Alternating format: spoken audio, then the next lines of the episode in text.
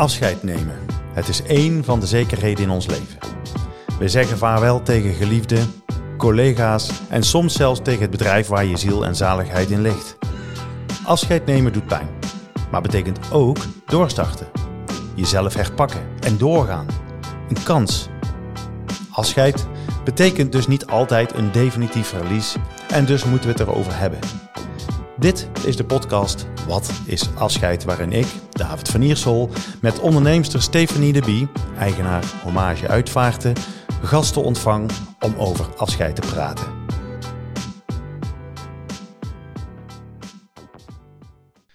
Vandaag gaan we in gesprek met Paul Raamakers. Paul, welkom in deze podcast van ons. Ja, dankjewel. Fijn dat je er bent. Yes. Zeker. Paul, kun je even kort voorstellen? Ja, natuurlijk. Ik ben uh, Paul Raamakers.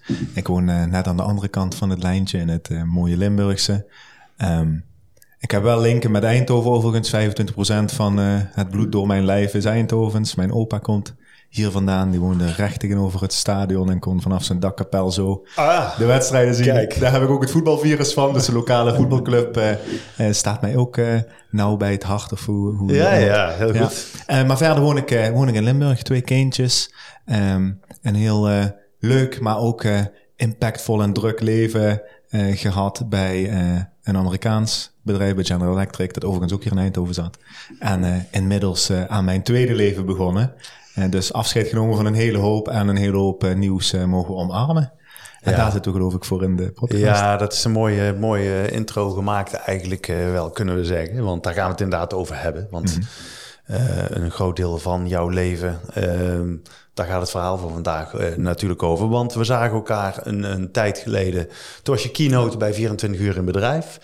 onder andere en ook bij het lanceren van het merk bij, bij Driessen. Ja. Um, bij de Brainport Human Campus. En uh, nou, ik kan eigenlijk wel geruststellen, en dat is ook wat ik tegen Stephanie zei, van, goh, ik heb nou toch een verhaal gehoord. Um, dat zei ik je ook direct na je keynote, om kippenvel van te krijgen. Ja. Um, dus, uh, dus daar gaan we het vandaag zeker over hebben, want er is nogal wat gebeurd in jouw leven. Um, Stephanie, jij kende uh, Paul nog niet. Nee, ik was er helaas niet, uh, niet bij. Maar ik had mijn collega gestuurd en die kwam ook heel erg onder de indruk er vandaan. Ja. ja. Want ja, we gaan het over afscheid hebben, natuurlijk. Maar afscheid kunnen we vandaag op heel veel fronten loslaten, denk ik. Dus ik ga eventjes een beetje een kompas zoeken om door dat hele intense verhaal voor jou uh, heen te gaan. En ja. uh, waar zullen we beginnen uh, met je verhaal? Nou, misschien met een, een soort kader te schetsen van hoe dat eerste leven eruit zag. Ja, zullen we, het zo, zullen we het zo doen? Het is een beetje chronologisch eigenlijk. Ja, ja, dat is goed. Doen we dat? Ja, zoals ik zei, ja, bij, mijn, bij mijn introductie bij General Electric gewerkt. En ja, zoals een goed Amerikaan betaamt, is dat redelijk veel vrijheid, maar wel presteren.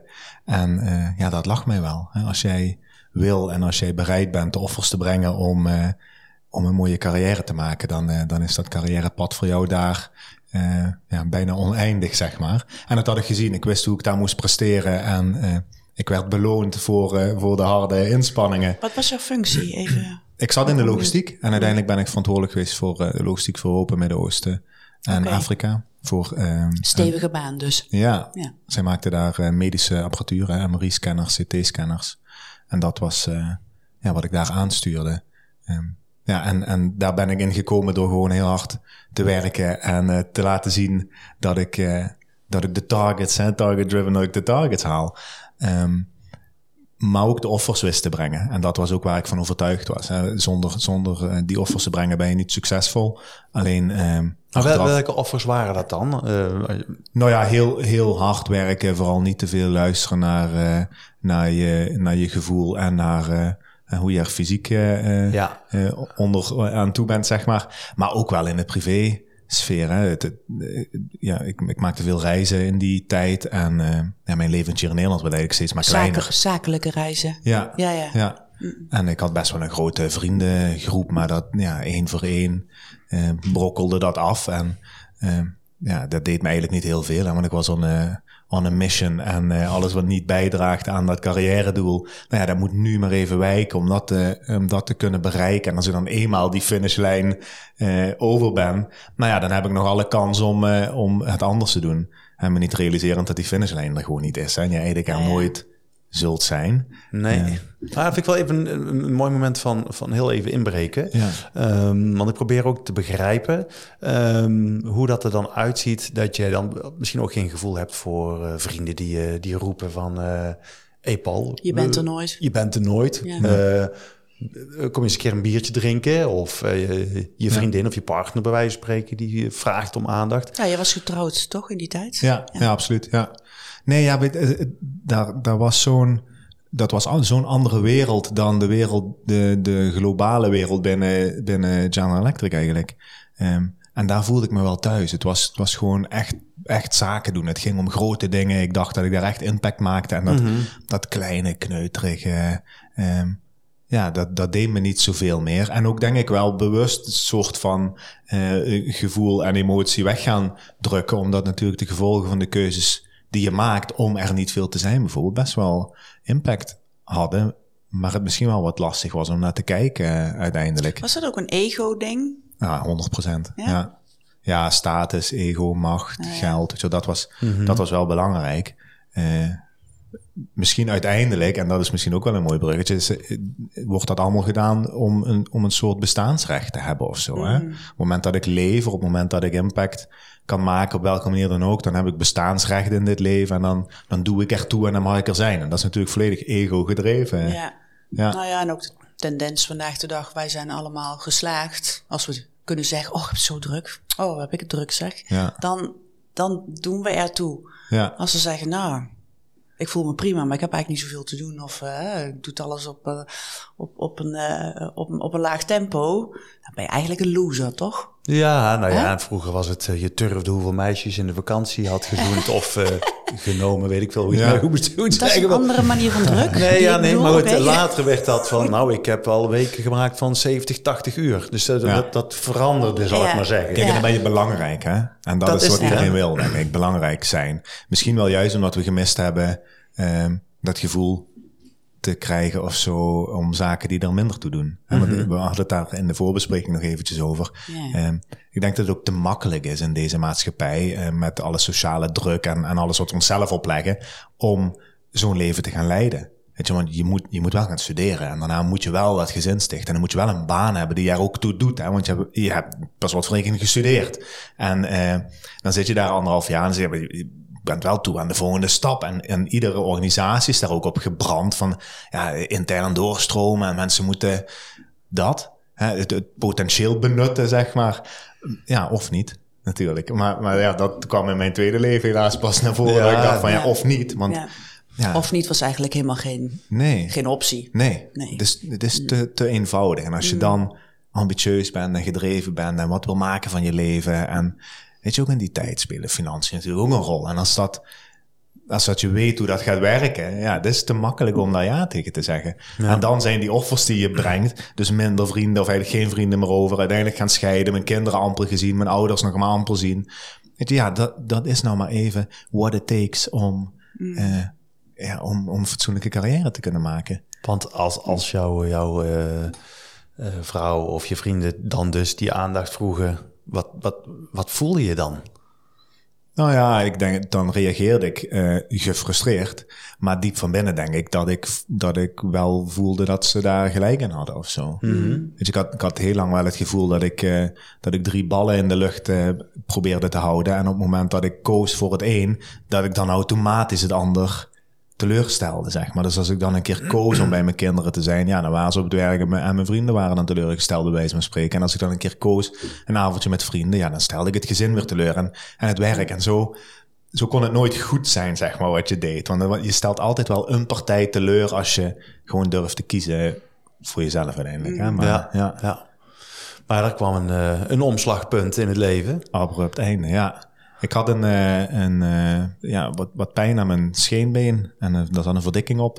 Maar ehm, ja, ik was natuurlijk gewoon aan het werk en carrière aan het maken. Dus ik had niet echt tijd om daar iets mee te doen. En ik rechtvaardigde het ook volledig. En dan denk ik, een stressvolle tijd achter de rug met die scheiding. En je bent aan het werk en het is allemaal druk. En straks als er, weet je ook zo'n magisch woord. En later, later als er rust komt, dan, eh, ja, dan laat ik er wel naar kijken als het dan nog is. Maar waarschijnlijk is het dan gewoon weg. En, eh, Eh, ik was in die tijd ook heel veel het auto rijden. Ik was in Frankfurt een project aan doen. En in plaats van dat ik altijd in een vliegtuig zat, zat ik in, in de auto te rijden. Dus denk ik ook, ja, dat is gewoon een overbelasting van die spier. En zo probeerde ik het allemaal maar te normaliseren of rechtvaardigen wat aan de hand was. Ehm, maar dat werd eigenlijk steeds erger en die bult werd steeds groter. En uh, na anderhalf jaar besloot ik toch naar de, naar de dokter te gaan. Anderhalf jaar. Dat is lang wachten. Dat is lang wachten. Jeetje. Ja. Ja.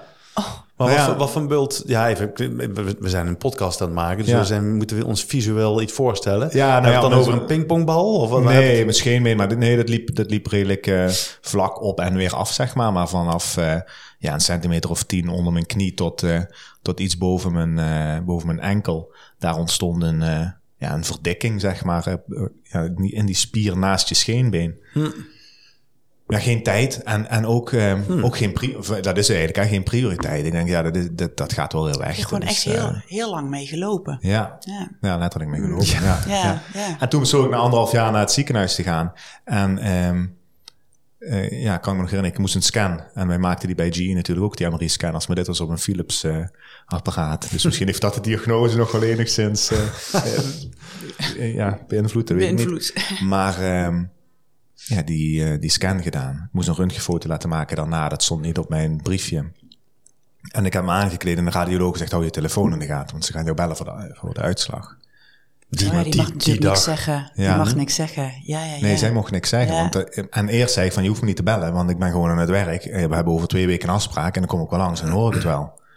Maar dat is me vier keer verteld, van hou die telefoon in de gaten. Want we gaan jou, ja, we gaan jou bellen voor die En uitslag. had jij toen zoiets van, oh oh. Ja, nou, ik dacht wel, het is niet goed. Mm. En ehm, ja, als je het over hart en hoofd hebt, zeg maar, en over eh, die emotie die ik zo uitsloot en rationeel bezig was. ehm, dat was natuurlijk wel al, al eh, eh, ja, ook vanwege de scheiding en het alleen zijn. En, en, en nu met dit weer kwamen er wel een soort gevoelens en emoties naar me toe. Waar ik van, van oh, dus ergens leefde wel iets. En toen ik dat hoorde, wist ik heel diep van binnen van, ja, dit, dit, dit is echt niet goed. Missable. Maar ik durf daar niet naar te kijken. Weet je, schuif het maar weg en zet je rationele brein me weer aan. En zeg, luister mevrouw, we hoeven niet te bellen. Ik eh, kom over twee weken wel langs. Toen haal ik mijn kinderen op. En tijdens dat eh, weekend vertel ik mezelf van, ja, weet je, voor hun is dat vast super spannend. Maar voor mij valt dat wel mee. Ik ben wel, ben wel meer gewend. Ook alleen maar om er maar van weg te kijken. Eigenlijk, hè. achteraf, dat, dat was gewoon een soort instinctief mijn, eh, mijn reactie op wat er, eh, wat er gebeurde. En toen, ja, op maandagmorgen eh, kreeg ik een telefoontje. Had ik net mijn kinderen afgezet bij hun moeder. Die gingen weer naar school. En ik rij eh, op weg naar mijn werk. En de arts belt. En eh, ik blijk een kankertumor van 20 bij 5,5 centimeter in mijn onderbeen te hebben. En om je overlevingskans te vergroten, moet u direct aan de slag. En Uw dat, overlevingskans te vergroten. ja, dus Dat ik dacht, dit is, een dit is eigenlijk een oefening. Ja. Ik dacht, dit is het volgende offer wat je hebt moeten brengen om een doel wat vanaf dat moment helemaal geen doel meer was. Maar eh, die kwam dus wel zo binnen dat je het Direct. meteen wist. Direct. Boom. Ja, ja. Is echt zo'n scheidingslijn in je leven, denk ik. Hè? Ja. Zo'n zo'n leven voor dat telefoontje en het leven erna, denk ik. of Helemaal, niet? ja. En wat er heel erg veranderd is, ook wel een mooie, mooie link naar waar wij het over hebben natuurlijk. Ehm, vertel ik in zaal ook vaak. Kijk, ik, ik geef veel lezingen en dan, dan vertel ik iedereen van, weet je, dat wij dit leven niet gaan overleven. Dat is geen geheim voor ons allemaal, denk ik. Maar geconfronteerd worden met je eigen sterfelijkheid, dat doet echt iets met je. Dat je denkt van, nee, weet je, het leven is inderdaad, zoals ze dat altijd zeggen, maar is inderdaad zo fragiel. En het kan zomaar eens anders zijn. En, Maar wat voelde je op dat moment? Je had die meneer of mevrouw aan de telefoon, die dokter. ja. Moest de auto aan de kant zetten, toch? Ja. ja. Ja, zet de auto aan de kant en doe het een belangrijk gesprek hebben, zei hij. Oh, dat, dat, dat zei hij erbij. Ja, Dus, eh, en toen wist ik het eigenlijk wel. maar wat, wat, wat, wat voel je dan hartkloppingen? Of wat, wat, wat gaat er dan door je heen? Of hoe, Nou, ik heb echt tegen mezelf gezegd, toen hij zei van zet de auto aan de kant, we moeten een belangrijk gesprek hebben. Toen dacht ik echt, oké, aan deze pleister moet er helemaal vanaf. Weet je, waar ik, waar ik allemaal van weg heb gekeken de laatste jaren. Ik, ik kan daar nu niet meer omheen kijken, wat er ook gebeurt. terwijl je de auto naar de zijkant aan het eh, Ja. rijden was. Ja, en gaan proberen voor te bereiden op, oké, wat, wat gaat er, wat gaat die boodschap zijn? En, eh, nou ja, weet je, ik had nooit gehoord van, van een tumor van 20 bij 5. En ik wist dat het er anderhalf jaar zat. Ik denk, ja, dit is, dit is afgelopen. En ehm, ik had ergens wel heel veel, ehm, ja, ik vind spijt dat dit zo'n zo'n moeilijk woord, want het, het is niet meer, terug te draaien, niet meer te veranderen. Maar ik, ik bedacht me wel van, ja, wat laat je eigenlijk na? Weet je, hoe, hoe word je eigenlijk herinnerd? En zoals ik de laatste jaren bezig ben geweest, dat, dat staat zo ver af van wie ik eigenlijk ben. En dit is wat de kinderen hebben gezien. En dit is wat mijn sociale omgeving heeft, heeft gezien. En ik dacht altijd later de tijd te krijgen om dat wel weer te herstellen. En natuurlijk een idiote gedachte, hè, maar dat was zoals ik mezelf geprogrammeerd had of zo. Maar ja, als later in één keer vroeger komt, Weet je, we schuiven dat allemaal maar voor ons uit en we willen er niet naar kijken. En straks als, hè, als dit jaar nog eens voorbij is, als deze promotie gedaan is, als dit project afgerond is, als ik dadelijk eens met pensioen ben. En dan, weet je, ineens krijg je die boodschap. Ik was 34, ik bedoel, ja. Hmm. En dat heeft me zoveel, uiteindelijk zoveel geleerd, maar op dat moment werd het heel donker, ja. het is nou drie, vier jaar geleden, vier, jaar geleden. dat is eigenlijk nog relatief kort geleden. Um, vanaf het moment dat je gebeld werd tot aan vandaag. Ja. En in die tussentijd is er heel veel gebeurd. Ook. Absoluut. Los van het wat je net zegt, eh, wat er in je brein op dat moment uh, abrupt plaatsvindt. En het hart. En het hart. ja. Nou, dat met name, denk ik. Ja. ja. Maar, um, oké, dus, maar je moest je auto ook weer in beweging brengen. Ja. Als je snapt wat ik bedoel. Want je legt uh, de goede man of mevrouw weer neer. Ja, hoe ben je naar huis gereden? Wat ben je gaan doen? Uh, een hele lange tijd niet. Ik ben gewoon rond gaan rijden, proberen gedachten te ordenen, een soort plan te maken over hoe ik dit ga aanvliegen. Um, ik heb mijn, uh, mijn manager gebeld en mijn, en mijn baan opgezegd. Want ik denk, of... Hè, Meteen? Meteen? Ja. ja. ik was heel, niet, echt? Ja, ik, ik, ik, ben sowieso redelijk uh, rationeel wel, hè, maar zo, uh, uh, dat is nog dat staartje van dat leven. En ik dacht, ik heb twee opties. Of ik heb nog heel korte leven en dan is dat leven niet meer wat ik wil leiden de laatste tijd. Of ik heb nog heel lang te leven. En dan is dat leven niet meer wat ik wil leiden. Ik begreep in één keer, weet je, ik schoof alles voor me uit. Want ik wilde, ik wilde dolgraag verbinding maken met mijn kinderen. Dolgraag sociale contacten hebben. Met mijn ouders goed, uh, goed contact hebben. Dat. Maar iedere keer had ik, had ik de, de reden werk om te zeggen, ja, weet je, dat kan nu even niet laat, laat me even tien jaar, hè, als we tien jaar verder zijn, dan, dan heb ik mijn doel wel bereikt en dan, dan kan ik dat allemaal doen. En ineens snapte ik, maar wat een, wat een onzingedachte is dat om dat voor je uit te schuiven. Hmm. Ik, ik wil nu verbinding maken.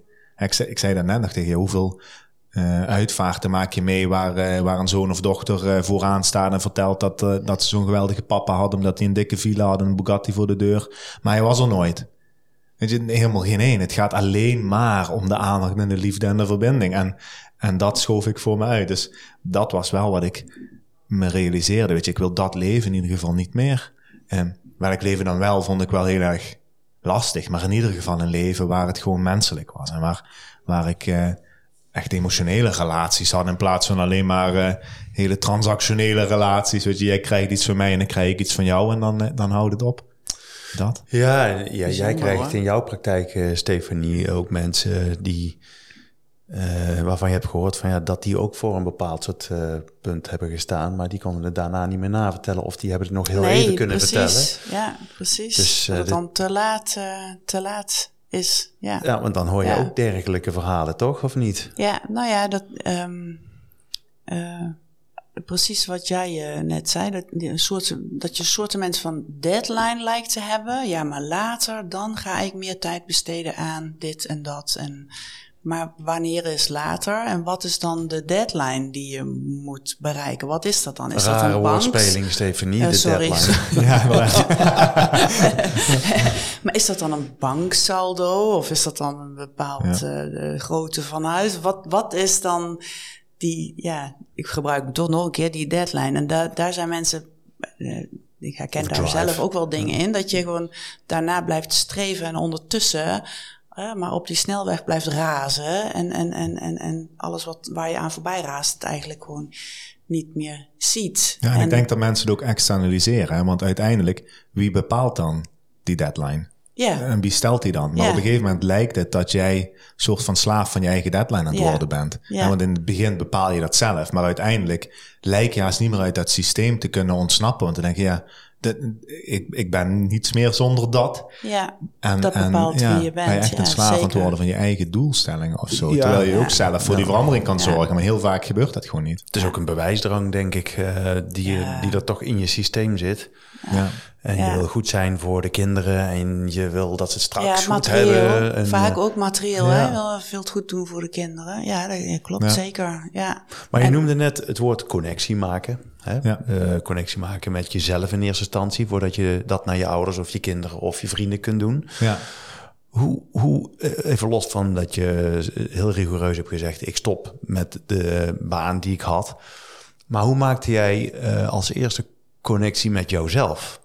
Ja, weet je, die eerste week heb ik onderzoeken gehad. En ehm, uiteindelijk op die vrijdag gehoord dat, dat er geen uitzaaiingen waren. En die week is echt, ehm, ja, echt een soort bubbel. Ik heb, ik heb daar hele lange wandelingen gemaakt. En dat, dat was heel emotioneel en, en ook heel eenzaam. En wel heel zwaar, zeg maar.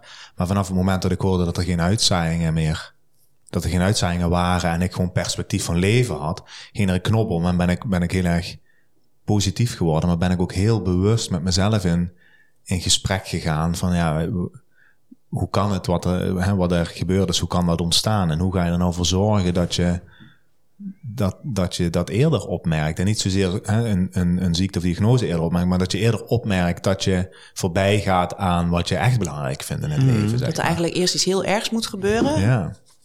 Ja, dat je dat nodig hebt gehad om tot dit punt te komen. Ja, en hoe Ja. kan dat? En dat zie je natuurlijk om je heen heel vaak. Hè? Mensen veranderen op het moment dat er een, een, een of andere ja, of ja, ja life-changing event is Ja. geweest. Maar hoe, hoe, hoe, hoe kun je, ehm, of hoe konden ze zeggen dat, dat je schoon was, om het maar even zo te zeggen, dat er geen uitzaaiingen was? Eh dan moest er natuurlijk nog iets eerst gebeuren, toch? Want ze hebben geconstateerd dat er zo'n eh, flinke Ja. tumor in jouw been zat.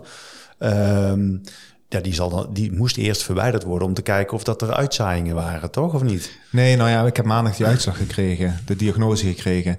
Dinsdag en woensdag onderzoek en dat was een punctie en een longfoto. En op het moment dat de longen schoon waren, dus het is weken, weken delenkanker wat ik had, dus in die spier zat dat. En eh, schijnbaar zaait dat het makkelijkst, het snelst uit naar de longen. Dus als de longen schoon zijn, betekende dat er verder in je lichaam geen uitzaaiingen zijn.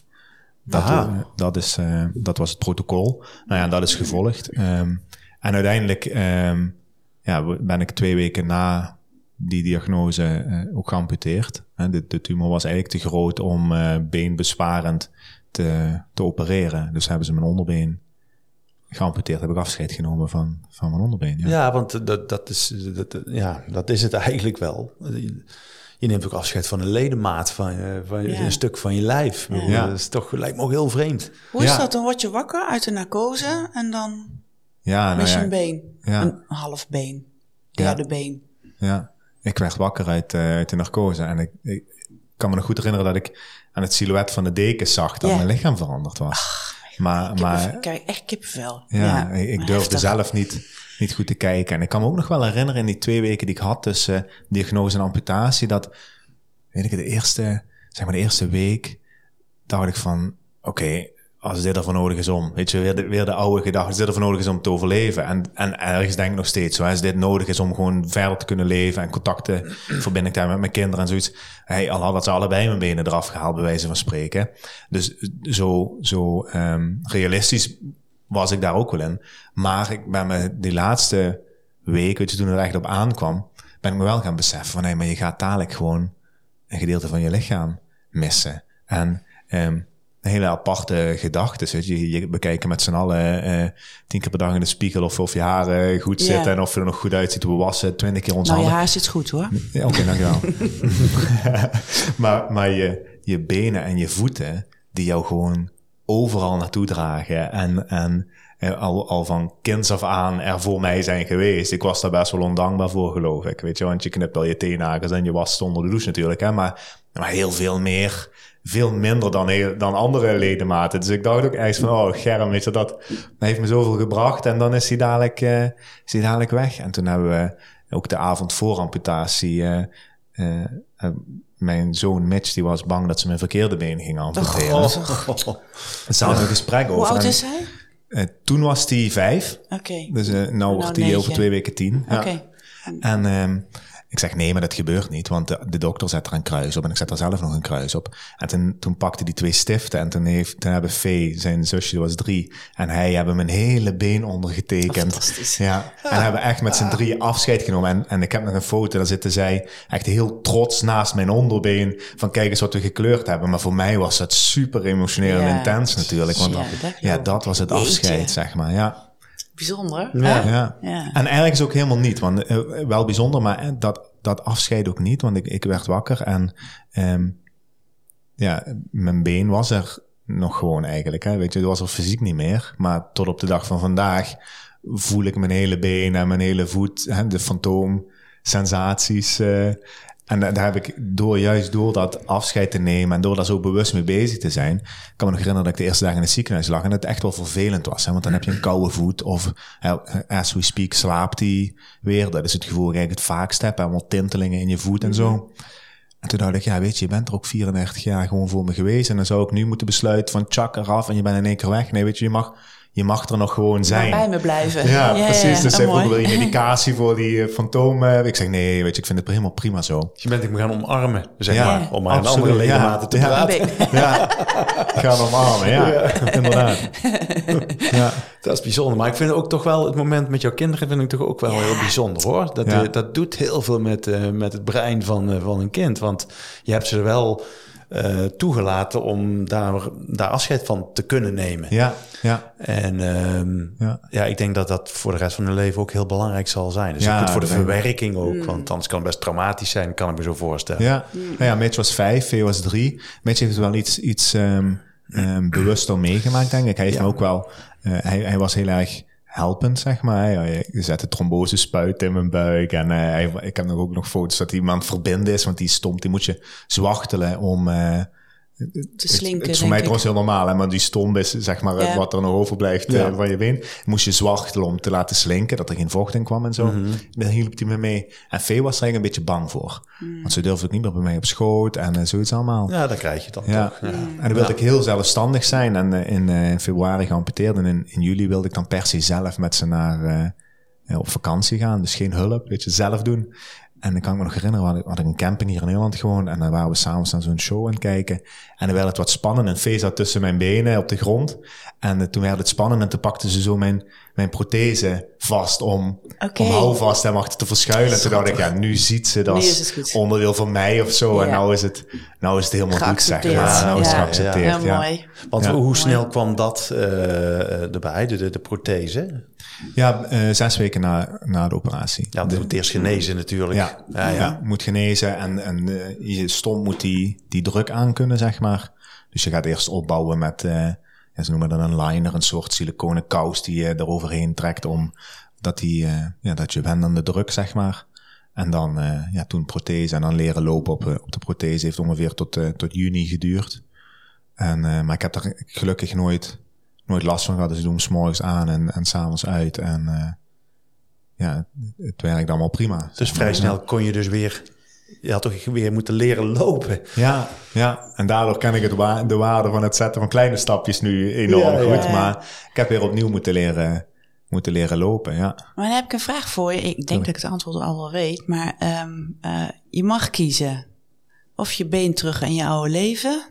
of dit, wat je nu hebt. Ja, 100% dit. Ja, ja het, heeft mij zo, het heeft me echt meer gegeven dan dat het me gekost heeft. En het heeft fysiek wel een hoop gekost natuurlijk, maar ik heb er zoveel meer voor teruggekregen. Mezelf op de eerste plaats en dan de relatie met mijn kinderen en ja, het hele, weet je, ik, ik ben mijn leven drastisch aan het versimpelen en aan het verkleinen en ja, en dat voelt zo goed. En dat is ook wat ik wil overbrengen aan het publiek. Hè. We maken mm. het dus allemaal wat makkelijker. En wat we, wat we net zeiden, wie, wie, wie bepaalt dan dat doel? En, en dat, dat doe je of, of dat doe je niet. En, en wat heb je nodig om, om iets te veranderen? Mm. Dus heb je echt zoiets ja. nodig als ik heb gehad. En ging het dan eigenlijk om het been of om datgene wat erin zat? En, want dat heeft je denk ik aan het denken gezet. Want het been is nog, dat is ook heel belangrijk natuurlijk. Dat hebben we net van ja. gehoord. Maar ja, de boodschap die in je been zat, uh, om maar even zo te zeggen, ja. dat was er eentje met uh, veel impact. Ja.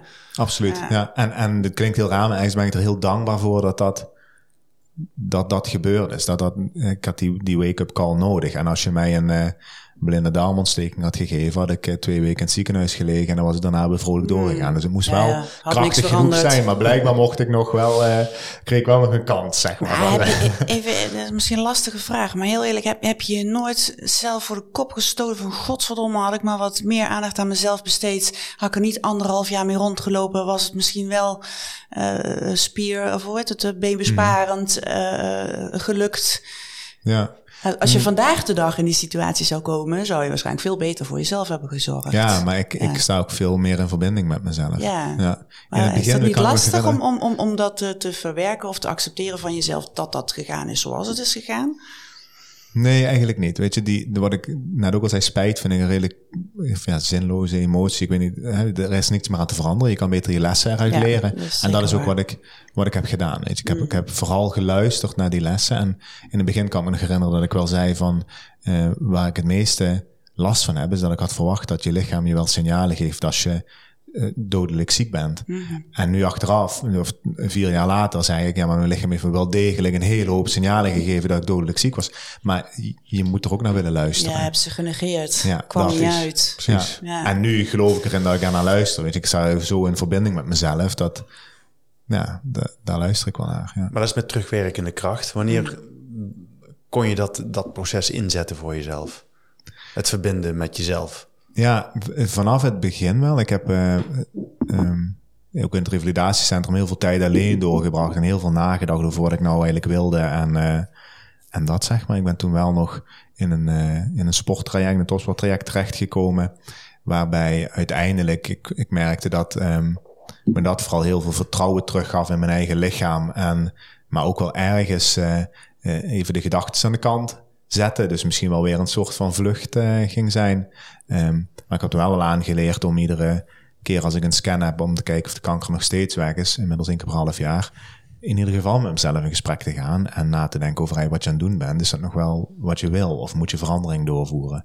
En um, eigenlijk toen ik, het moment dat ik besloot te stoppen met, uh, met het sporten, dat was het moment dat ik dacht van ja, weet je, en nu uh, mag je jezelf gewoon accepteren en omarmen zoals je bent. En ben je vandaag precies daar waar je, waar je vandaag moet zijn. En want, want ik kom uit dat werkzame leven waar ik iedere keer de overtreffende trap zie. Ik, ik word geamputeerd, ik ga in een of ander sporttraject beland ik waar ik ook iedere keer de overtreffende trap zie.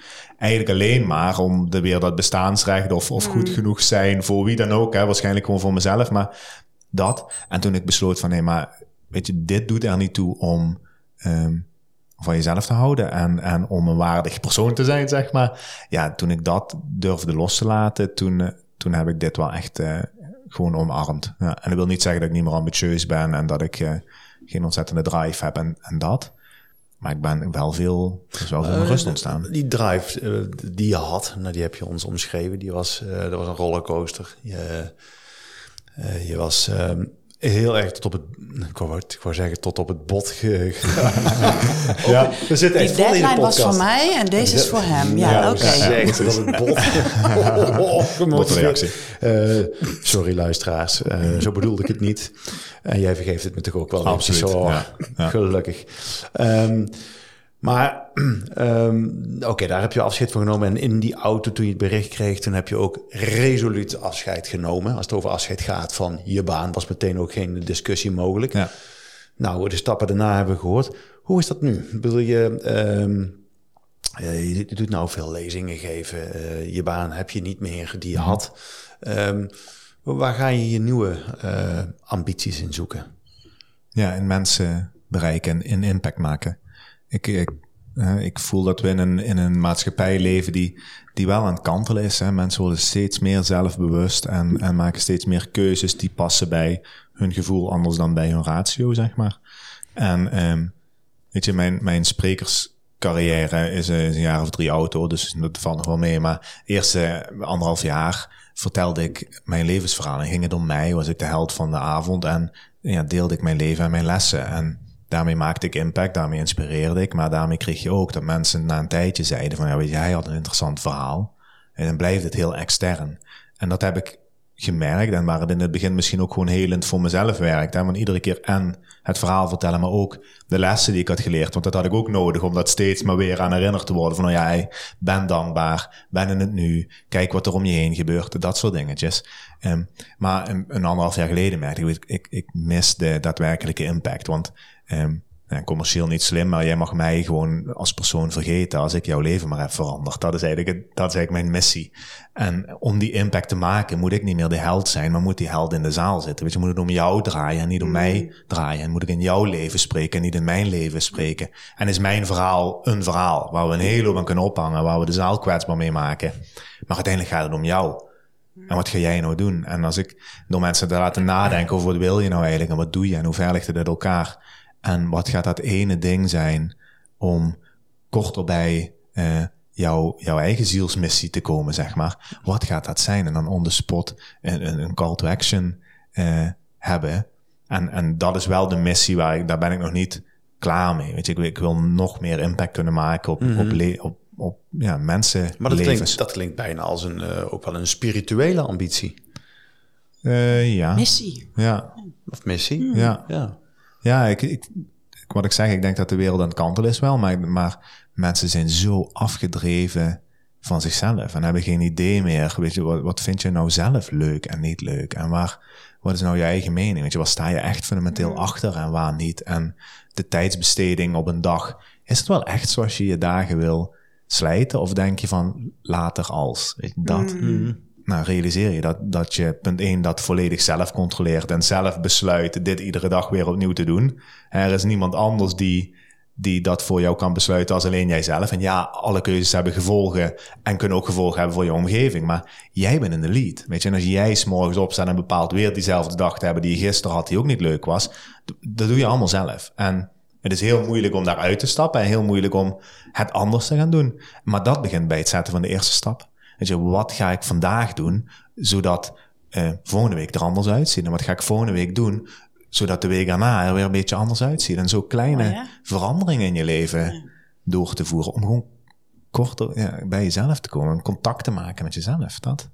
Ja, nee, ik, ik zit hier met open mond te luisteren. De, mij, ja, mij, mij boeit het enorm. Mij raakt dit ook heel erg, moet ik zeggen. Maar um, uh, ik, ik vind ook dat jij het op een hele goede manier overbrengt. Komt echt binnen. Uh, dit is, dit is een, een gave die niet zomaar na jouw ongeluk, of ongeluk, nou, nou ja, best wel ongeluk. Toch wel, ja.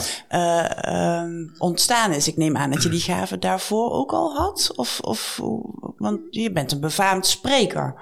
Nou ja, ik gaf wel presentaties en, mm. daarbij heb ik wel altijd wel iets met taal gehad. Want ik vind de woordkeuzes heel belangrijk, omdat die een bepaald gevoel en een bepaald, ja, echt een bepaalde betekenis hebben net een beetje een verschil kunnen, kunnen maken. Dus de manier waarop je iets vertelt is, uh, is zeker zo belangrijk als de boodschap die, er, die erin zit, denk ik. Uh, en daar ben ik best wel gevoelig voor, ja. Maar, maar ja, het is ook wel iets wat ik nu zeker de laatste tijd heel erg aan het ontwikkelen ben. Want juist om mensen te kunnen bereiken en aanspreken, moet je wel raken. een taal spreken die, die aankomt. En als, uh, als jouw, uh, jouw baas van, uh, van het bedrijf waar je eerst werkte, die, die zit in de zaal en die hoort het verhaal. Denkt hij dan, hé, hey, die man die ken ik, want die heeft voor mij gewerkt? Of heeft hij zoiets van, dat is een complete, complete vreemdeling voor mij? Um, nee, ik denk dat hij wel zegt, hey, die man die ken ik, die heeft voor mij Toch gewerkt. Wel, ja? En ik denk ook dat ze ergens wel zien dat ik nog, nog wel in een, nou, een soort van dezelfde persoon ben, maar, maar wel op een heel andere, een heel ander gebied of zo. Ja. Hmm. Ik ben, hmm. ben ook daar wel, um, ja, ik was wel redelijk amicaal en zo ook wel daar, in, in ieder geval in het interne team. En uh, had ook wel goede gesprekken met mensen, geloof ik. Hmm. Dus dat is wel overeind gebleven, ja. Hoge gunningsfactor. Ja, denk ik, ja. ja. ja. Dan gaan we ehm, 40, 45 jaar uh, de tijd in. En je komt in de herfst van je laatste, ja. van, van je leven, van, van, je, van je laatste momenten. Hoe wil jij herinnerd worden?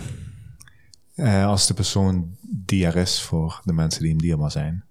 En het is een heel klein groepje mensen, maar daar wil ik, uh, daar wil ik er ultiem voor zijn.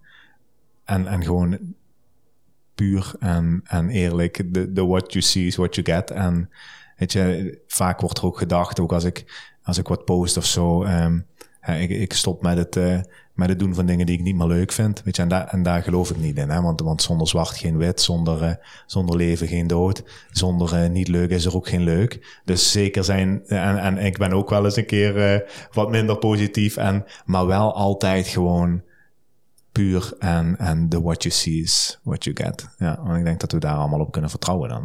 ja. Het is echt een, een enorme twist in je leven gekomen. Dat is, dat is duidelijk. Ja, ja. ja. ja en ik vier het leven veel meer daardoor. Hè? Want ook wel, eh, wat is afscheid? Eh, hadden we het over. Hè? Af, eh, volgens mij, eh, als, als mensen je niet lief hebben of als je dingen niet lief hebt, dan is er ook geen afscheid. Hè? Want dan, dan geeft niemand rol omdat nee, je er niet meer bent. Het niet uit. Dus nee. Uh, hetzelfde als bang zijn voor de dood.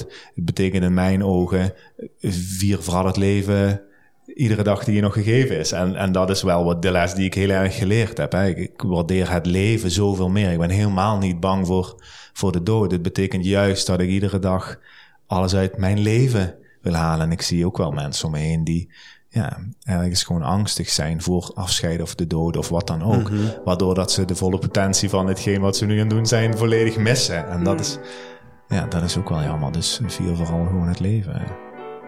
Mogen wij jou danken voor een hele fijne podcast.